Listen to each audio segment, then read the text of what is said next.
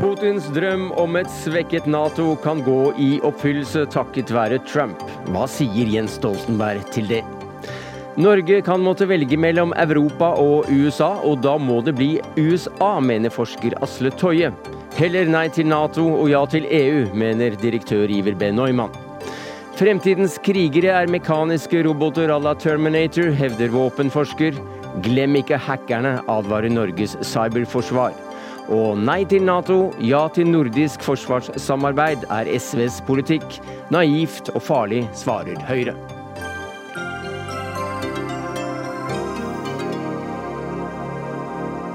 Ja, velkommen til eh, denne temasendingen om norsk sikkerhets- og forsvarspolitikk. Et påskeprodukt signert Dagsnytt 18-redaksjonen, som er et opptak, og som starter på toppen med Natos generalsekretær, som vi nylig gratulerte med vel overstått. Tusen takk. Er det 60-årsdagen din eller 70-årsdagen til Nato det er best å ha vel overstått? Eh, det er 70-årsdagen til Nato som er eh, viktigst å ha overstått, uh, uten sammenligning. Og, og, det var en solid feiring, i, eller i hvert fall markering, i, i Washington for et par uker siden.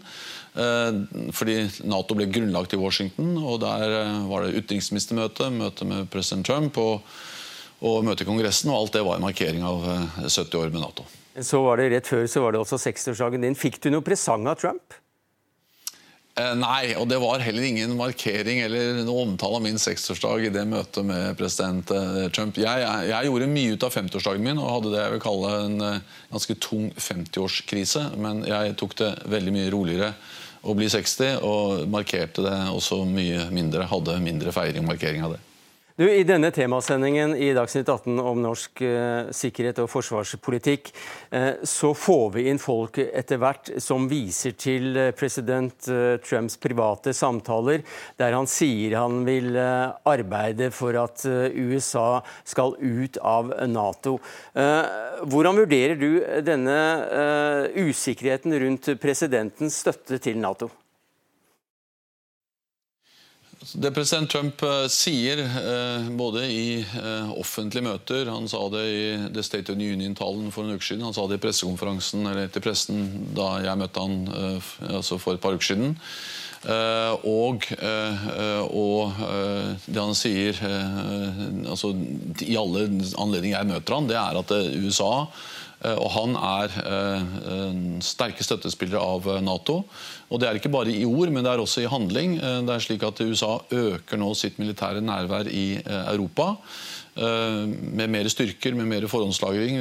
Marines i Norge og, og ny altså pansret brigade i, i, Polen. Alt det er et uttrykk for at USA er, står ved sine Nato-forpliktelser. Så så jeg aksepterer at, eh, at, at, det skrives ulike rapporter om hva han skal si i private sammenhenger, men det som teller for meg, er både hva han sier i møter med meg og andre, og hva USA faktisk gjør, og det er å stille opp for Nato. Ja, for Det er ikke bare i private samtaler han, han sier noe annet. for Da Fox News spurte ham om, om Montenegro, eh, og om Montenegro var verdt å, å slåss for og ofre eventuelt amerikanske liv og eiendommer for, så sa han at det spørsmålet hadde han stilt seg selv. Eh, og at eh, montenegritter ja, de er aggressive og kan føre USA inn i en tredje verdenskrig. Hva slags signaler gir en sånn dobbelthet? President Trump har en annen stil eh, og en annen måte å formulere seg på enn de fleste andre presidenter. Eh, men når det gjelder det som jeg opplever er det avgjørende, så er det både at han og hans administrasjon eh, er forpliktet overfor Nato, men først og fremst at de altså øker sitt militære nærvær i Europa. Det er viktig for alle europeiske Nato-land, og det sterkeste uttrykket for at de tar eh, sikkerhetsgarantiene i, eh, i, eh, Nato på alvor. Men samtidig så er jeg opptatt av ikke legge skjul på at det er uenighet. Altså, Nato er en allianse av 29 land der det er ulike meninger og diskusjon, og noen ganger også alvorlig uenighet om alvorlige spørsmål. Og da er Min oppgave det er å forsøke å bidra til at de uenighetene vi har om alvorlige spørsmål, enten det er klima, eller det er handel eller det er andre spørsmål, at vi faktisk eh, likevel på tross av det greier å stille opp i forhold til det som er Natos hovedoppgave, og beskytte hverandre. fordi da er vi alle tryggere. Men det er jo satt spørsmålstegn ved om Trump faktisk da vil angripe en part som f.eks. angriper Norge eller, eller Montenegro. Hva sier du til den usikkerheten? Ja, Det beste uttrykket for at vi eh, kan stole på at USA vil være der, er jo nettopp at det er flere amerikanske soldater i Europa nå enn det har vært på mange år. Eh, det ser vi i Norge, men det ser vi ikke minst eh, i land som Polen, Baltikum, der Nato og USA for første gang har krampklare, krampklare styrker eh, utplassert. Det har vi aldri hatt før. Eh, og Det betyr at Nato vil være umiddelbart involvert i en konflikt eh, dersom det blir en konflikt i, i f.eks. Baltikum eller Polen. Hensikten med det til militære tilstedeværelsen er jo ikke å framprovosere en konflikt, men det er å avverge en konflikt. Hele ideen er at så lenge enhver mulig motstander vet at eh, alle Nato-land vil være der og forsvare eh, ett Nato-land hvis det blir angrepet. Eh, hele hensikten med det er å hindre konflikt, og det har Nato lykkes med i 70 år gjennom å stå sammen på den måten. Det er jo akkurat den troverdigheten om USA vil være med på et slikt prosjekt i et lite ubetydelig land, som, som, som nå er i spill. Altså jeg, ser, jeg, aksepterer og ser at det, det stilles spørsmål med det. Mitt svar på det er som jeg sier, at både i ord, men ikke minst i handling, så eh, er USA tydelig på at de står ved sine Nato-forpliktelser. Og mitt budskap eh, i USA hver gang jeg eh, drar dit, treffer amerikanske politikere og ledere, er at fred og stabilitet i Europa er viktig for Europa, men det er også faktisk viktig for USA. To verdenskriger og den kalde krigen har lært dem at Eh, vår sikkerhet er sammenvevd, eh, og at de også er tjent med at det er stabilitet i Europa. Så det er i USAs interesser eh, å bidra til fred i Europa. Men det er ikke så sterke amerikanske interesser knyttet til Europa i dag som det var i 1949. I dag så har han et stort murprosjekt gående, og ikke minst så er han mer opptatt av, av Kina. Så hvordan innvirker det på støtten til Nato? Altså, den diskusjonen som handler om grensen mot eh, Mexico mur, eh, det er en diskusjon som ikke angår Nato. Men det som angår Nato, er Kina. Og vi har en økende oppmerksomhet i eh, Nato når det gjelder Kinas betydning. Det er områder for samarbeid, for partnerskap. Våre militære møtes, det er noe kontakt. Men det er klart at det, stadig flere Nato-land stiller spørsmålstegn også ved de sikkerhetspolitiske konsekvensene av et stadig større Kina, økonomisk og militært. Det er ingen som mener at Nato skal måtte bevege seg ut og inn i Sør-Kina-havet og over mot Kina. Men Kina kommer nærmere oss. Eh, vi ser det i Arktis, vi ser det i Middelhavet, vi ser det i Baltikum, vi ser det eh, i cyberspace. Eh, og vi ser det også gjennom tunge kinesiske investeringer i infrastruktur i Europa. Så vi må forholde oss til Kina. Og for amerikanerne er dette et argument for Nato. Fordi eh, Sammenlignet med eh, Kina så er USA etter hvert ikke så store lenger, verken økonomisk. og Kina begynner også å vokse veldig militært. Men tar man alle Nato-landene sammen, eh, så er vi halvparten av verdensøkonomien. Halvparten av verdens militære eh, makt. Så betydningen av størrelse har alltid vært viktig, men spesielt viktig når vi sammenligner med Kina. Og da er det viktig for USA å ha 28 allierte venner som de har gjennom Nato. Eh, Stoltenberg, Det ble spøkt en del med at du som AUF-leder måtte stille deg bak kravet om at Norge måtte ut av Nato. Eh, så snudde du i din periode som AUF-leder den organisasjonen til å støtte Nato. Så i løpet av de 13 sekundene av de 8 minuttene vi har til rådighet med deg, hvilket argument er viktigst for at Norge skal være medlem av Nato? At det trygger freden. Eh, det er ingenting som er viktigere enn at det er fred. Eh, og eh, ved at vi står sammen med 28 andre land, så er vi trygge. Nato har trygget den lengste fredsperioden i Europas historie på veldig veldig mange år. altså Knapt noen har hatt lenge fred i Europa. Nato har ikke gjort det alene, men Nato har vært avgjørende for det, og det er viktig for Norge. Takk skal du ha, generalsekretær i Nato Jens Stoltenberg. Dagsnytt 18 alle hverdager kl 18.00 på NRK P2 og NRK2. I 70 år har altså Nato eksistert, og like lenge har Norge vært medlem. Hvordan det gikk til, det skal vi få vite om senere i denne sendinga. Men først til et parti som mener at Norge aldri burde ha blitt medlem, og som mener at kongeriket bør melde seg ut av alliansen. Hvorfor det, Torgeir Knag Fylkesnes, du er nestleder i Sosialistisk Venstreparti?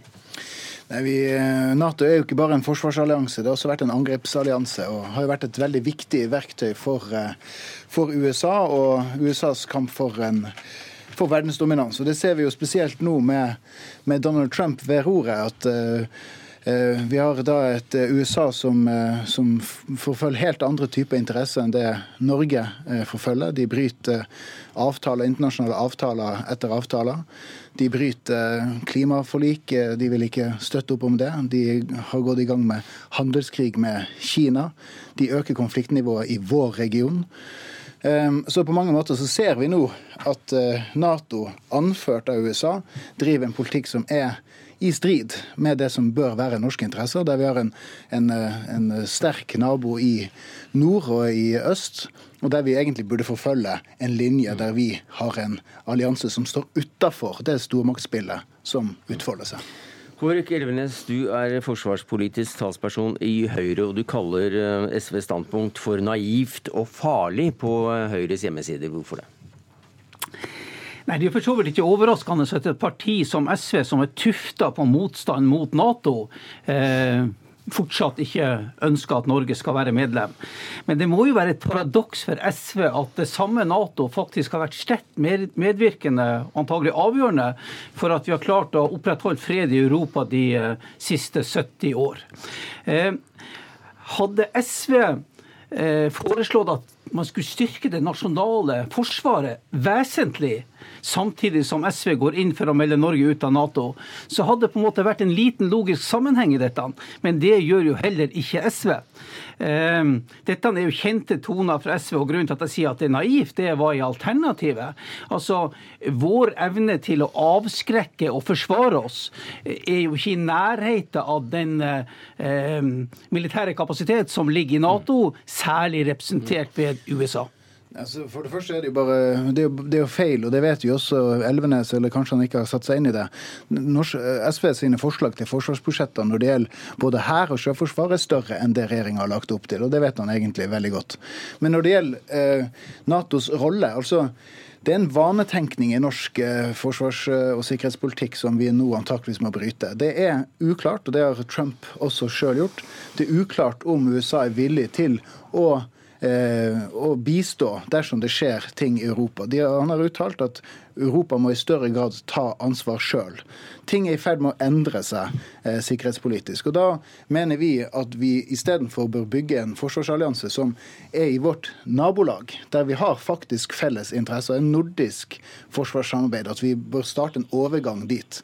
Det vil være en naturlig forsvarsallianse, og der også slagkraften viser flere studier, er faktisk ganske imponerende, nok til å skremme også eh, våre naboer i, i øst. En ting er den militære siden ved Nato, men Nato er et verdifellesskap. Årsaken til at Nato ble oppretta i sin tid, det var frykten for det sovjetiske hegemoni, militært og ideologisk. Det var den kommunistiske maktovertagelsen i Tsjekkoslovakia, det var Berlin-blokaden.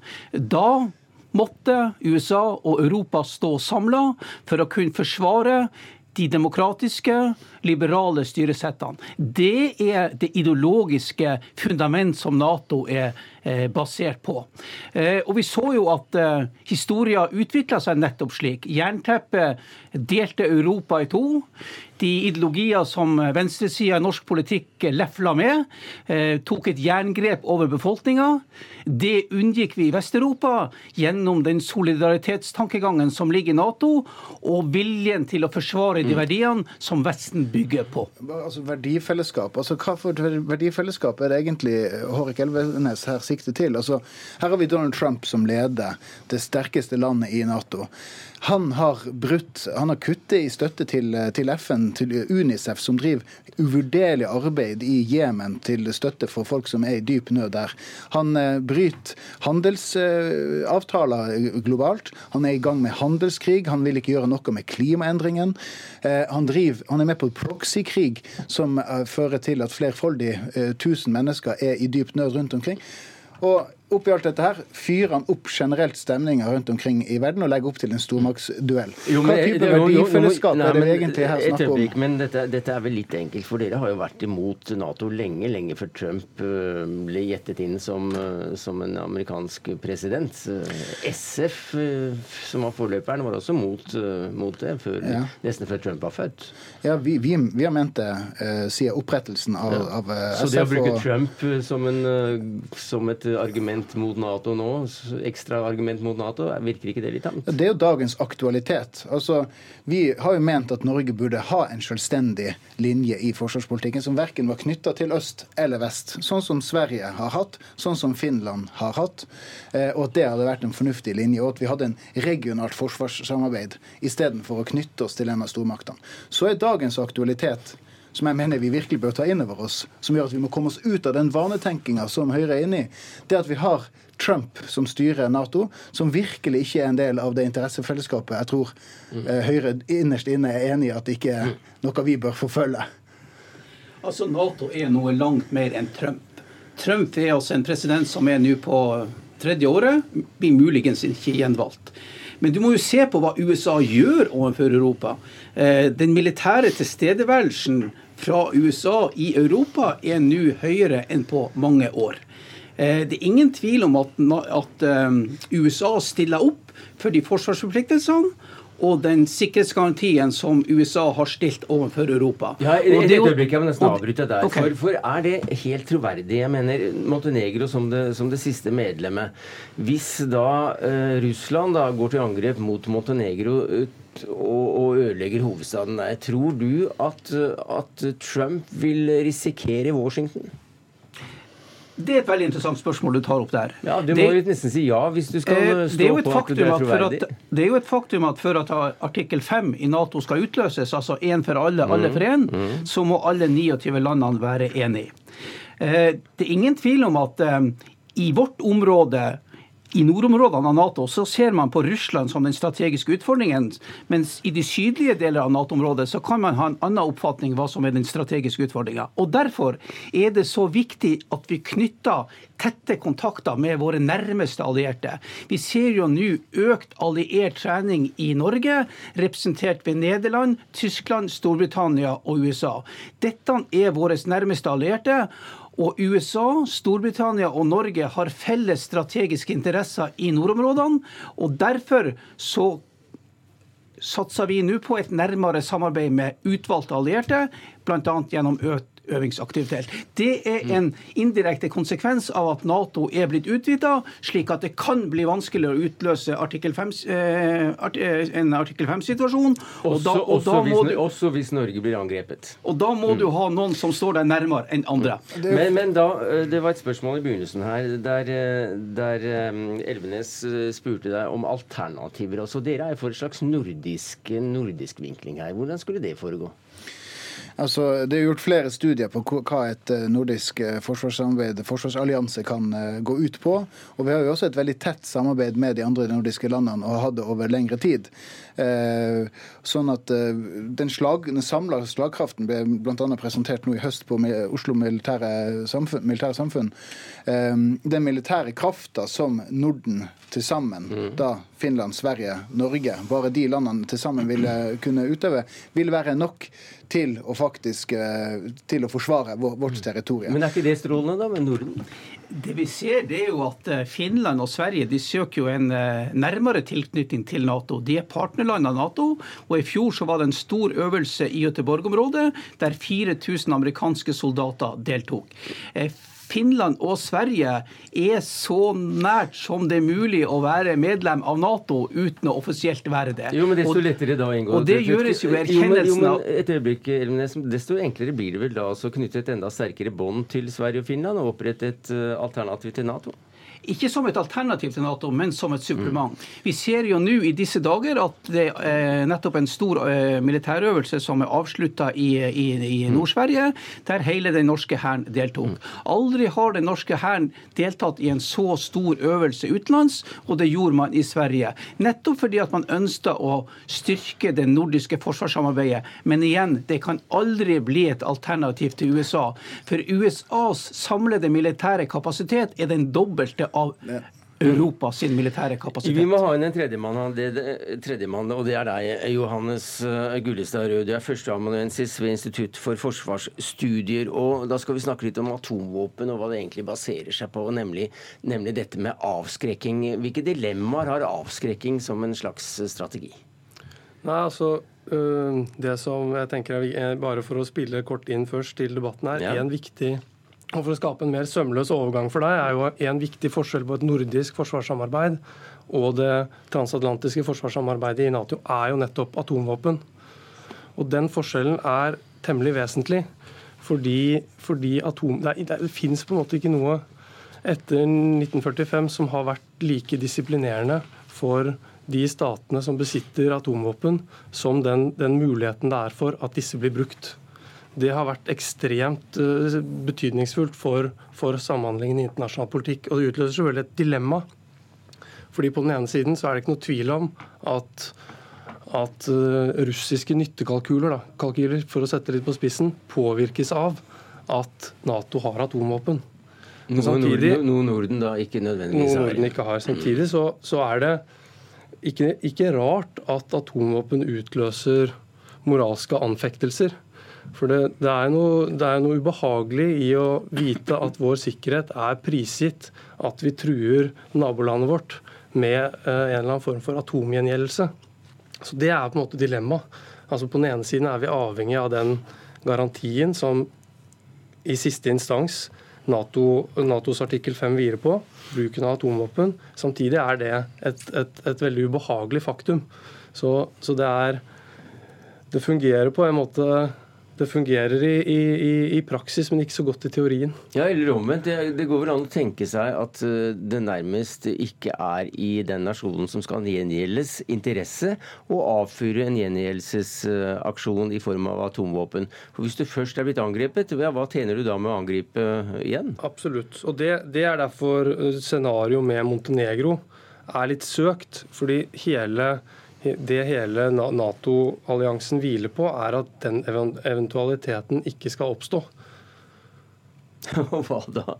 Nei, hvis, hvis, hvis, det skjer, da har man ikke noe annet valg. Det er jo derfor man, til, til tross for at man har, har, har en, en, sikker atomvåpenkapasitet, så vil en, en, uh, så vil et, et, et, uh, en annektering av Montenegro bli i, sannsynligvis uh, blitt gjengjeldt konvensjonelt og ikke med masse utslettelsesvåpen. Det, det, er det mest plausible, ja. Takk skal dere ha, Torgeir Knag Fylkesnes, nestleder i Sosialistisk Venstreparti, Hårek Elvenes, forsvarspolitisk talsperson i Høyre, og Johannes Gullestad Rød, førsteamanuensis ved Institutt for forsvarsstudier.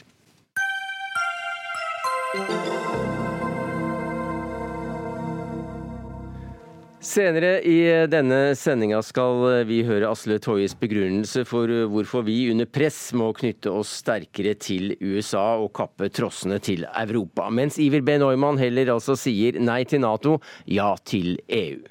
Men hvordan står det til med det norske forsvaret per i dag, sett fra det norske forsvaret, med da alle forbehold som som dette manglende kildemangfoldet vil tilsi. Eh, Sverre N. Egenes, du er kontradmiral og sjef for operasjoner ved Forsvarets operative hovedkvarter.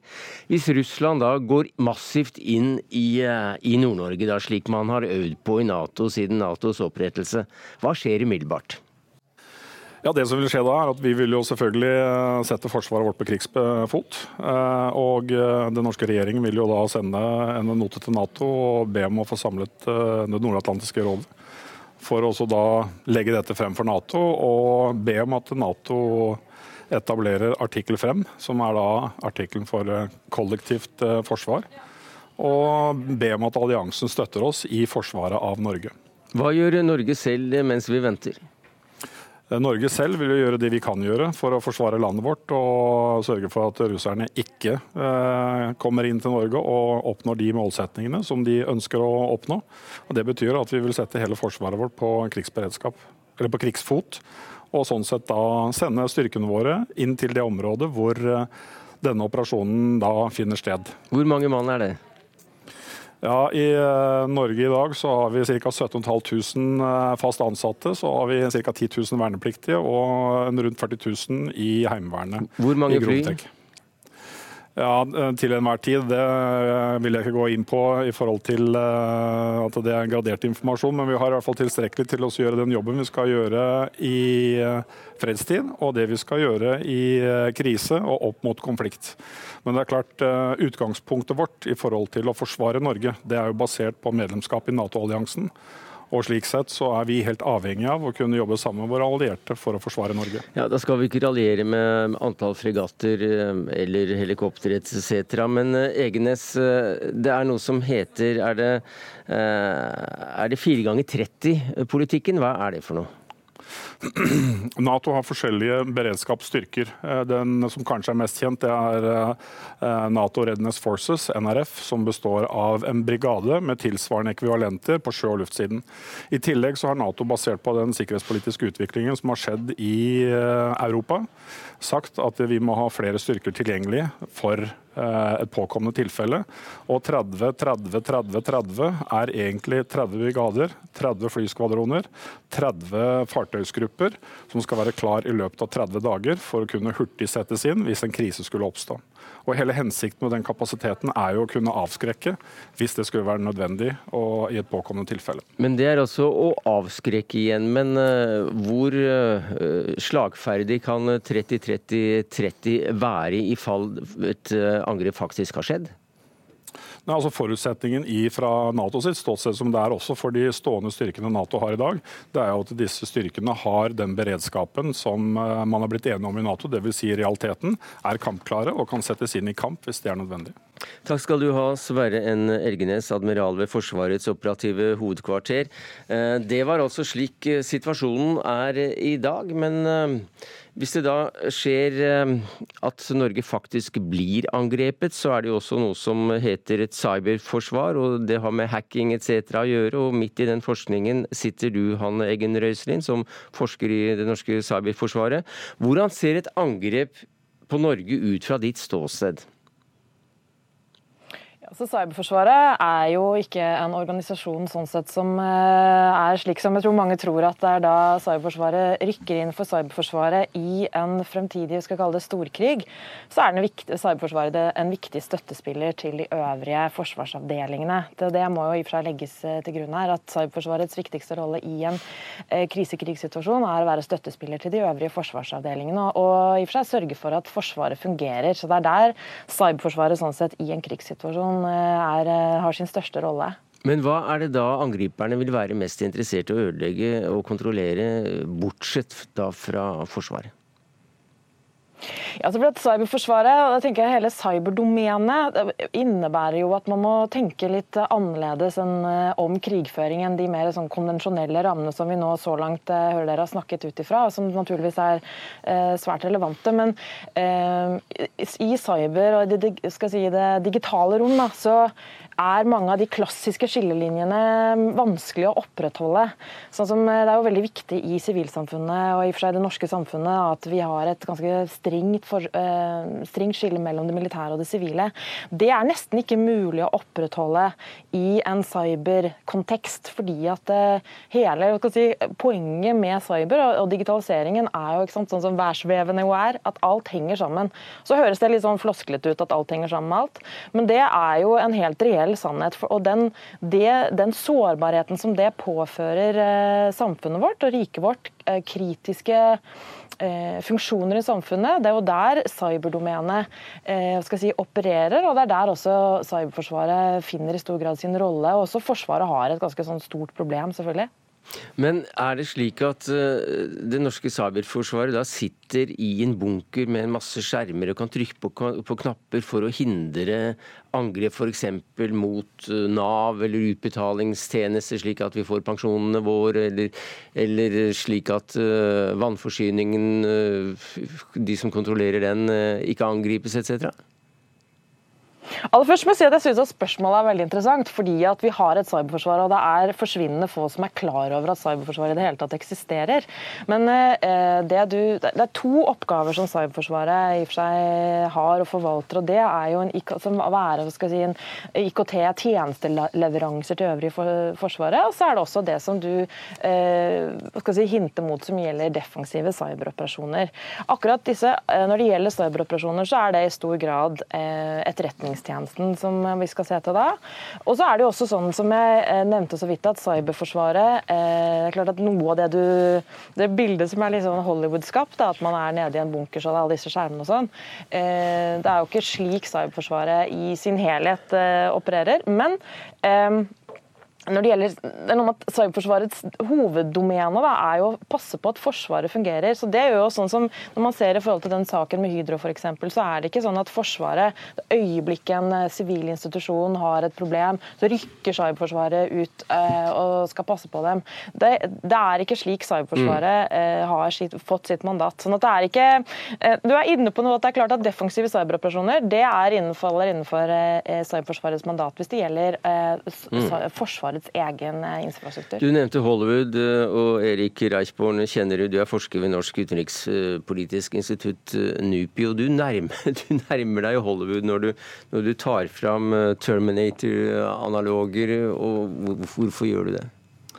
Nei, Det handler litt om måten det amerikanske militæret og veldig mange amerikanske forsvars- og sikkerhetspolitiske eksperter har begynt å snakke om fremtidens krigføring, og hvor det stadig vekk da Terminator-figuren kommer opp i, i disse diskusjonene.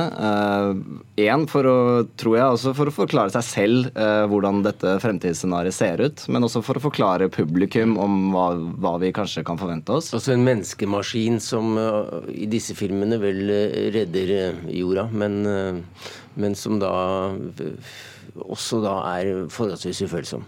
Ikke sant? Og, det er, og det er, jo, Man snakker jo også da om dette Det blir nevnt et Terminator-dilemma. Og det er jo, er jo, knyttet opp mot eh, et våpenkappløp i, knyttet til kunstig intelligens.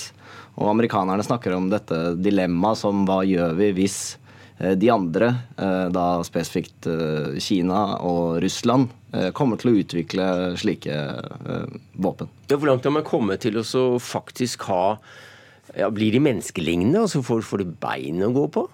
Nei, det tviler jeg på. Det er upraktisk. Altså, de, de, mer belter eller eh, Mer belter eller flyr eller altså, sånne ting. Ruller, det er mange, eller hopper. Det er mange måter. Um, de kommer nok ikke til å se ut som disse Terminator-figurene. Ehm, men det er jo helt klart at man, er, man ser en mulighet i hvert fall til å utvikle da, det vi kan kalle for roboter, som eh, etter hvert vil få evnen til å operere alene, og også da ta avgjørelser om, eh, om å ta liv eh, eller ødelegge ting. Hvor langt fram i tiden er det dere Ja, vær så god. Vær så god.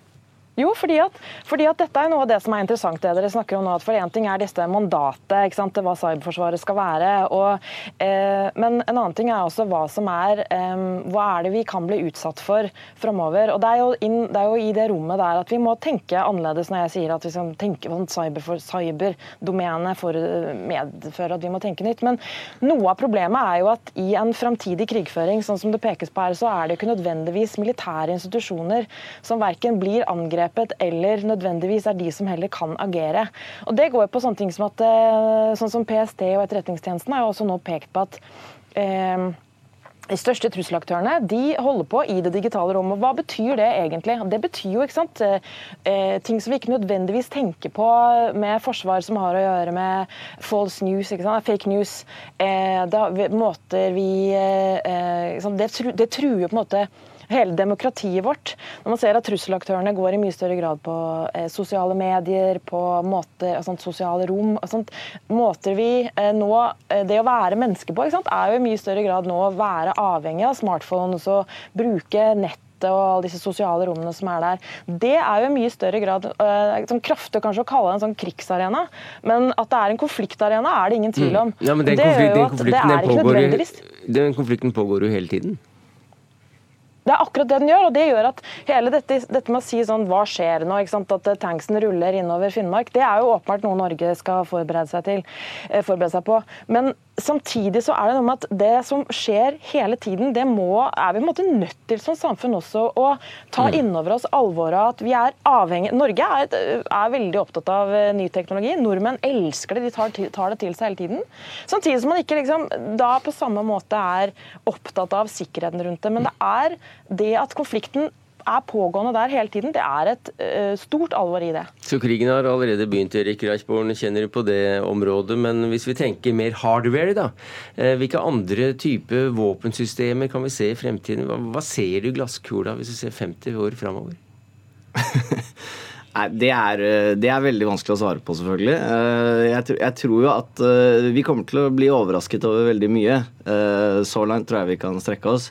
Jeg tror jo også at, er, at, man har tatt litt ting ned på jorda etter å ha snakket om Terminator en del år, og snakker nå om uh, menneske-maskin-interaksjon, altså at soldater uh, blir mer av, eller får mer altså, utstyr. Tek utstyr, teknologier. Uh, man snakker om augmented reality, altså evnen til da å se ting som ikke er der, du får informasjon i sanntid, slike ting. Um, så jeg tror det er mer nærliggende. Og så tror jeg at det som blir nevnt her med cyberdomenet, hvor også det kommer da det man kaller for uh, autonom software, da, som kan angripe eller forsvare uh, det domenet, blir også svært viktig i tiden fremover. Hvem er det som ligger best an i dette kappløpet, som jeg regner med det er?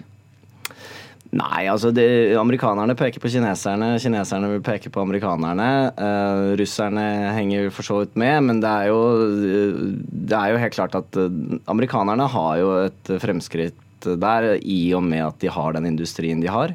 Uh, nå er det jo en del opprop innad i Silicon Valley mot å jobbe med, med nettopp militæret. og det er en del altså, etiske og moralske diskusjoner som pågår. altså i, i hva, er det, hva er det dette kunstig intelligens-verden fører til, rett og slett? Men hvis du har menneskemaskin, så blir jo det nærmest som Iron Man, da, for å fortsette disse, film, disse filmparallellene? Ja, Iron Man er, er litt, i den, litt, i den, verden man kanskje ser for seg, ja, som, er, som, er, kortere frem i tid enn en Terminator. Da får vi bare vente og se hva som skjer neste gang. Det er altså da spennende tider ifølge uh, forskeren på NYPI, Erik Reichborn Kjennerud. Takk for at du kom. Takk til Hanne Eggen Røiselin, forsker ved Cyberforsvaret.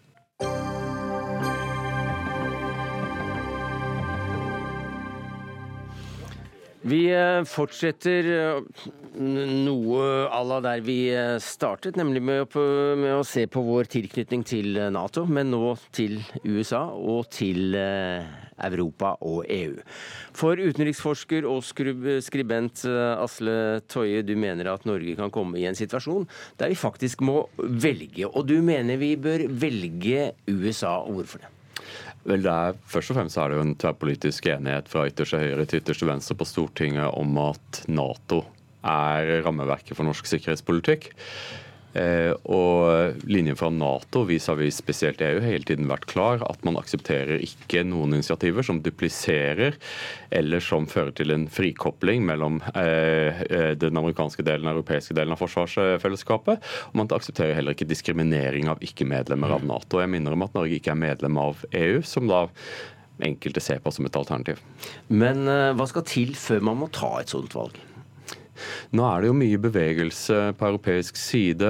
President Macron har tatt til orde for en ekte europeisk hær. Og det kan være uforenlig med, eh, med Nato-forpliktelsene. Det er vanskelig å se hvordan et sånt initiativ ikke vil gå Nato i næringen. Og Nato fungerer utmerket etter Norges sikkerhetspolitiske behov. Men jeg tror at denne alliansen vil kunne komme til å koste noe mer i framtiden enn hva den har gjort fram til nå. Men er det ikke mulig å tenke seg et eh, europeisk alternativ? Det er mulig å forestille seg et europeisk alternativ, men det som mangler i Europa, som man har i Nato, er en såkalt rammeverksnasjon. USA står for veldig mye av det utstyret som er for dyrt eller for spesielt for enkeltland til å kjøpe, som ikke er av samme størrelse som USA. Og vi ser at i operasjon etter operasjon så er det USA som stepper inn med de kapasitetene som gjør det mulig for mm. Europa å bruke militærmakt utenfor Europa. Hva sier du til eh, dette, direktør Iver B. Neumann, du er også professor, når det skrotes faktisk dette europeiske alternativet? Det tror jeg er forhastet. Altså, Dette er en ganske alvorlig situasjon for fedrelandet. Og det å si at ting alltid har vært som de var, betyr at de skal fortsette å være sånn. Det kan man jo håpe på, men det er jo ikke sikkert det er riktig.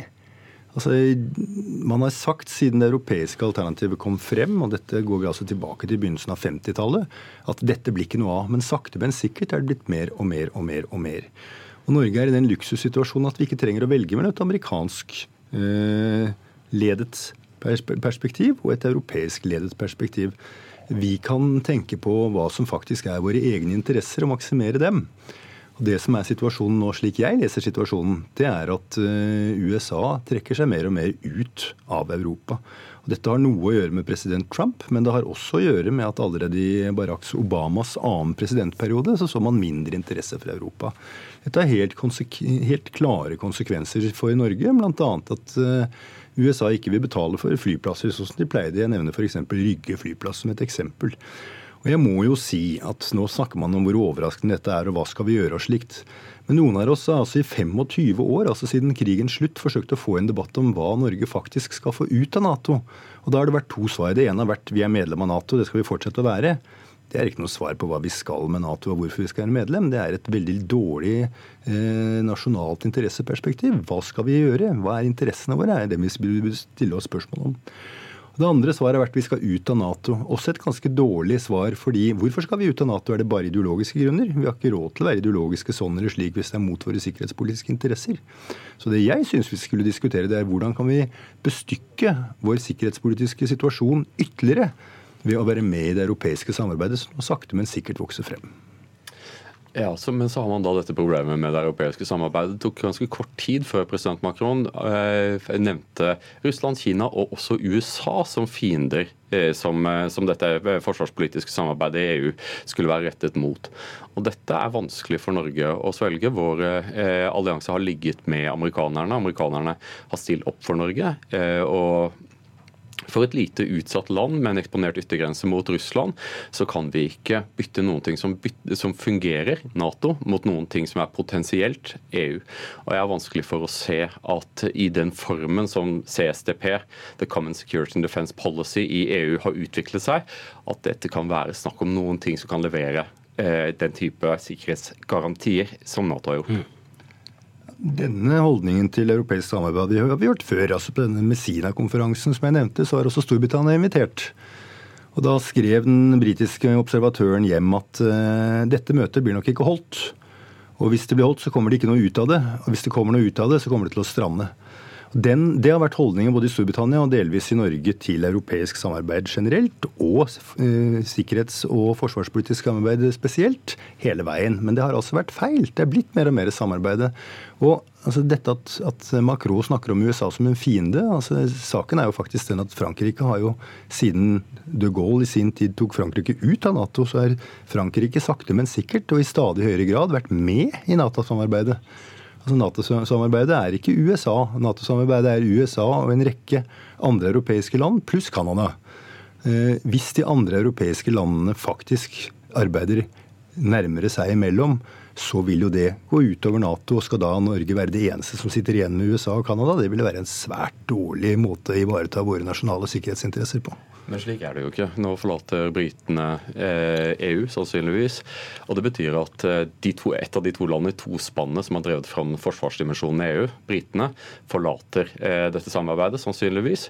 Og Norge står da eh, fortsatt sammen med de atlantisk vendte statene, Nederland, Danmark, eh, Storbritannia og Norge, eh, hvor Nato-samarbeidet er kanskje på mange måter det ideelle måten å, få et sikkerhetspolitisk samarbeid på. Ideelt pga. at USA er så langt borte. Så de bryr seg ikke så veldig mye med de mange tingene som Norge ønsker å ha kontroll med, samtidig som at de kan levere store, tunge løfter av den typen vi trenger. Og Vi må ta med oss det at Norge har investert mye i Nato. Vi investerte eh, i forbindelse med Libya-krigen. Vi har semipermanent amerikansk nærvær i Trøndelag med US Marine Corps. Vi har kjøpt et F-35. Disse kortene er allerede lagt. Stortinget har lagt disse kortene partene, og jeg slutter opp om dette. Jeg tror at eh, sett norsk, med, med norske øyne er fortsatt Nato-allianse som vår primære sikkerhetsforanstaltning den rette veien å gå. Jeg er helt enig i alt som blir sagt, men man kan stille seg spørsmålet hvor lurt er dette? Altså, Hvor lurt var det f.eks. at Norge investerte mye i Libya-aksjonen? Har det vist seg vellykket? Var det et sjakktrekk overfor våre europeiske allierte? Var det lurt for Libya selv? Det er jeg usikker på. Eh, jeg er også usikker på om det er noe lurt å løpe etter USA og si bli, bli, bli i Europa, når det er helt åpenbart historisk at USA er på vei ut av Europa. Da må vi gjøre noe for å altså Vi kan ikke gamble på at eh, vi skal kunne klare å holde USA inne. Vi må begynne å snakke ordentlig om disse tingene, istedenfor å snakke om disse alternativene, sånn som vi har gjort i 25 år. Vi har et godt alternativ, Nato, som alltid er der. Og så har vi et kanskje-alternativ, EU, som, som kanskje eller kanskje ikke vil bli sånn og sånn. Jeg er helt enig i det at det ikke er noe valg. Men det vi må dreie seg om, må jo være altså det er en dårlig sikkerhetspolitikk å putte alle eggene i én kurv. Man må se hvilke muligheter har vi, hvilke muligheter kan vi skape, og så må man ta det derfra. Så jeg synes rett og slett at det er for lite tenkning om nasjonale interesser her, når man sier at vi skal bare følge USA uansett hva USA gjør og ikke gjør. Ja, men det er ikke sånn med allianser at, at jo flere, jo bedre. Det er som en forsikring at man, du satser på én som faktisk fungerer. og eh, Nato er inne i en omkalfatring og en rebalansering. Du har helt rett, jeg er enig i allting du sier. Amerikanerne, eh, deres interesse ligger nå primært i Asia. Eh, de forventer at europeerne skal gjøre mer. Og den beste måten å holde Nato i live på, er å investere mer i Nato. Så enkelt er det. Men uh, Dere sier at dere er helt enige med hverandres standpunkter, men det virker jo ikke sånn på oss som sitter og hører på. da. Men, uh... Jeg er ikke enig i standpunktet, men jeg er enig i veldig mye av det som blir sagt om dagens situasjon. Ja. Hva vi skal gjøre med det, der er vi så vidt jeg kan se uenige, Asle. Og vi, og vi er uenige ja. om hvorvidt Norge skal investere i et europeisk forsvarssamarbeid ledet av Frankrike. Jeg tror at det er en dårlig løsning for Norge. Frankrikes interesse ligger i Afrika, det gjør ikke Norges. Men det er jo riktig, men, men altså, det er jo ikke et franskledet Europa vi ser. Altså Jeg vil jo hevde at vår viktigste europeiske allierte de siste 10-15 årene har vært Tyskland. Og det er jo Tyskland, Tyskland, som er Europas faktiske kjernepunkt. Og nå ser vi jo endelig at Tyskland kommer frem. Og det er problemet. Tyskland... Ingen vil gå til krig for Norge. USA vil heller ikke gå til krig for Norge. Amerikanerne er nok mer trolige til å stille opp enn det tyskerne er. Tyskerne har vist gang på gang på gang at de er ekstremt nevrotiske når det gjelder bruk av militærmakt. Og Norge trenger eh, sterke allierte som, er, som kan backe landet opp pga. at vi ikke har noen kapasitet til å forsvare landet alene i en krigssituasjon. Og Det håper vi at ikke skal skje, men vi har ikke sikkerhetsallianser pga. hva vi tror, men pga. hva vi frykter. Her er vi akkurat ved det vi skulle ha diskutert de siste 25 årene, nemlig nøyaktig hva kan vi forvente, og hva skal Norge gjøre med det. Det er jo det, det, er det vi burde diskutere. Og hvis, jeg, Min analyse er at det er forholdsvis lite sannsynlig at et stadig mer aggressivt Russland faktisk vil angripe Norge. Og Det er rett og slett fordi det er forholdsvis lite å tjene på det. Norge er ikke Krim. Eh, det vi burde tenke på da, er altså en rekke andre aspekter som er grunnen til at man har allierte sikkerhetspolitisk. Og Der er det altså slik at USA er langt borte, Europa er ganske nær. og Da blir Tyskland ekstremt viktig. Jeg tror ikke vi har tatt inn over oss hvor tunge Tyskland er i Europa, hvor viktig Tyskland nå er. Og En av måtene å forholde seg til det på, vil være å trappe opp det forholdsvis tette militære samarbeidet vi allerede har med Tyskland, og særlig Bundesmarine. Hvor langt tid, eh, hvor langt inn i framtiden må vi før vi må ta dette valget, tror du? Valget er i ferd med å bli tatt. Eh, Nato har endret seg. Eh, denne tanken om alliansen som en for alle, alle for én, det fallerte med Libya-krigen. Norge vil måtte investere mer i USA, og det gjør vi. For å være sikre på at USA kommer oss til unnsetning i en krisesituasjon. Takk skal du ha, Asle Toje, skribent, utenrikspolitisk skribent og forsker og kommentator. Iver Bev Neumann, professor og direktør ved NOVA. Hør Dagsnytt 18 når du vil. Radio NRK Radio.nrk.no.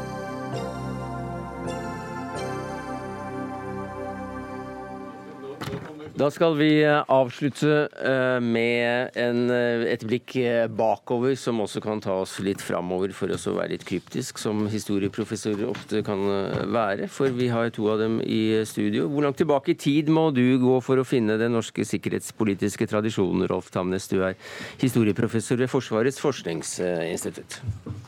Ja, Hvis du spør meg og meg alene, så vil jeg nok, og hvis vi skal fokusere på sikkerhetspolitikk, så vil jeg nok gå tilbake til la oss si 1700-tallet. Mm -hmm. Fordi derfra og fremover så ser man fremveksten av en, en, noen linjer som jeg syns er av betydning. Hvilke linjer er sterkest? Utgangspunktet her er jo at dette er en småstat i utkanten av Europa, men som samtidig vender seg mot havet. Og det har noen konsekvenser også for sikkerhetspolitikkens utforming. Eh, det viktigste er det man gjør i retning av å legge stadig mer vekt på folkeretten som beskyttelse i krig og fred.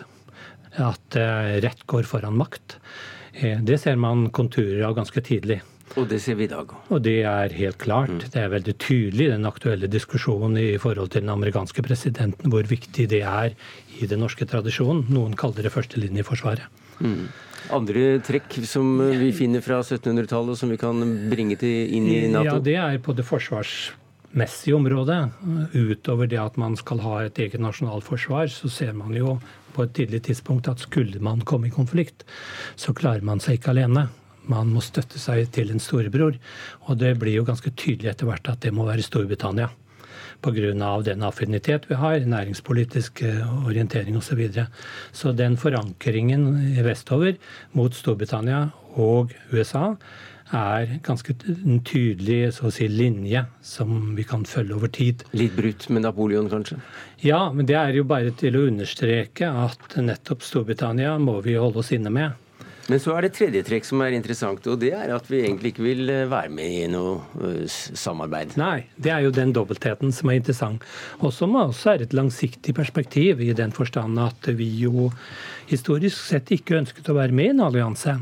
Vi ønsket det alliansefrie perspektivet. Og viktig grunn til det var jo naturligvis at vi ikke ønsket å menge oss med disse krigerstatene på kontinentet. Og nå snakker vi om ja, Nå snakker vi om veldig tydelig gjennom, gjennom 1800-tallet, men det er veldig tydelig i 1905, når vi står mm. frem som en egen selvstendig stat. Og Det er også en linje som videreføres i den forstand at jo, vi oppgir jo alliansefriheten og kommer med i Nato, men vi viderefører tradisjonen gjennom selvpålagte begrensninger, basepolitikken og den slags. F.eks. at vi ikke vil ha atomvåpen på norsk jord? Ja, det også er en selvpålagt begrensning, helt klart. Hans Jakob Ordning, du er professor i historie ved Universitetet i Oslo, og du går da lenger tilbake enn din kollega. Går tilbake til 1700-tallet for å se på norsk sikkerhetspolitisk tradisjon. Men hvis vi ser på alliansebygging, da? På et vis kan vi jo si at, uh, at Norge går Man kan gå 1000 år tilbake i, hvis vi ser på Norden. Vi, uh, vi har jo et sånn mønster i Norden som er veldig tydelig fra uh, så langt tilbake som vi har kilder, nemlig at Danmark er det sterkeste landet. Norge og Sverige er lillebrødre. Og veldig mye av det vi snakker om som eh, rikssamling f.eks. i Norge, det er jo eh, noe som kommer fordi Danmark er svekket.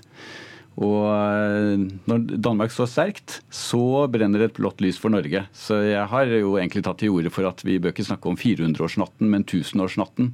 Fordi eh, Danmark hele tiden, hvis de klarer å samle kreftene, så, er, eh, så ligger det tynt an med Norge. Helt fram til 1500-tallet, hvor jo Sverige kommer opp som en, som en likeverdig aktør i, i Norden. Så, så, hvis vi tar det helt sånn overordnede grepet, så vil jeg nok si at sikkerhetspolitisk så kan man trekke linjene tilbake helt til så langt vi, vi kjenner kjenner disse rikene.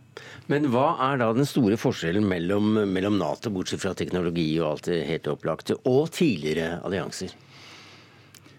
Nei, Noe av det spesielle med Nato, som jeg ser det når man trekker de lange linjene, er at Nato er en forsvarsallianse man, som faktisk er rettet mot ytre fiender. Eh, man har jo massevis av allianser i eh, europeisk politikk. Hele europeisk politikk er jo allianser, er jo et stort statssystem med masse eh, kryssende bånd og konflikter i mange hundre år bakover i tid. Men før 1949 så er jo Europa Hvis man skal se helt stort på det, så er de, så er de uten ytre fiender. Og Det gjør at alliansene i Europa jo aldri blir så omfattende som Nato blir, fordi alliansene i Europa hele tiden er styrt ut fra en maktkamp innad i Europa. Så, sånn jeg er enig i det. Eh, og Nato er jo kjennetegnet, også ikke bare historisk, men i forhold til andre allianser i dag, ved at det er en forpliktelse som gjelder både i krig og fred. Og man bygger opp en infrastruktur med hovedkvarter og eh, planer og den slags som gjelder allerede i fredstid. Så det er en ganske dyp integrasjon man foretar i en allianse allerede i fredstid. Men én for alle, alle for én-prinsippet med denne paragraf fem i, i, i Nato-sammenheng, var det vanlig? Ja, det finnes jo. Altså I alle pakter så er det en forpliktelse om, om, gjensidig støtte. Jo, støtte, men også at man går inn som om det skulle vært angrep på en selv?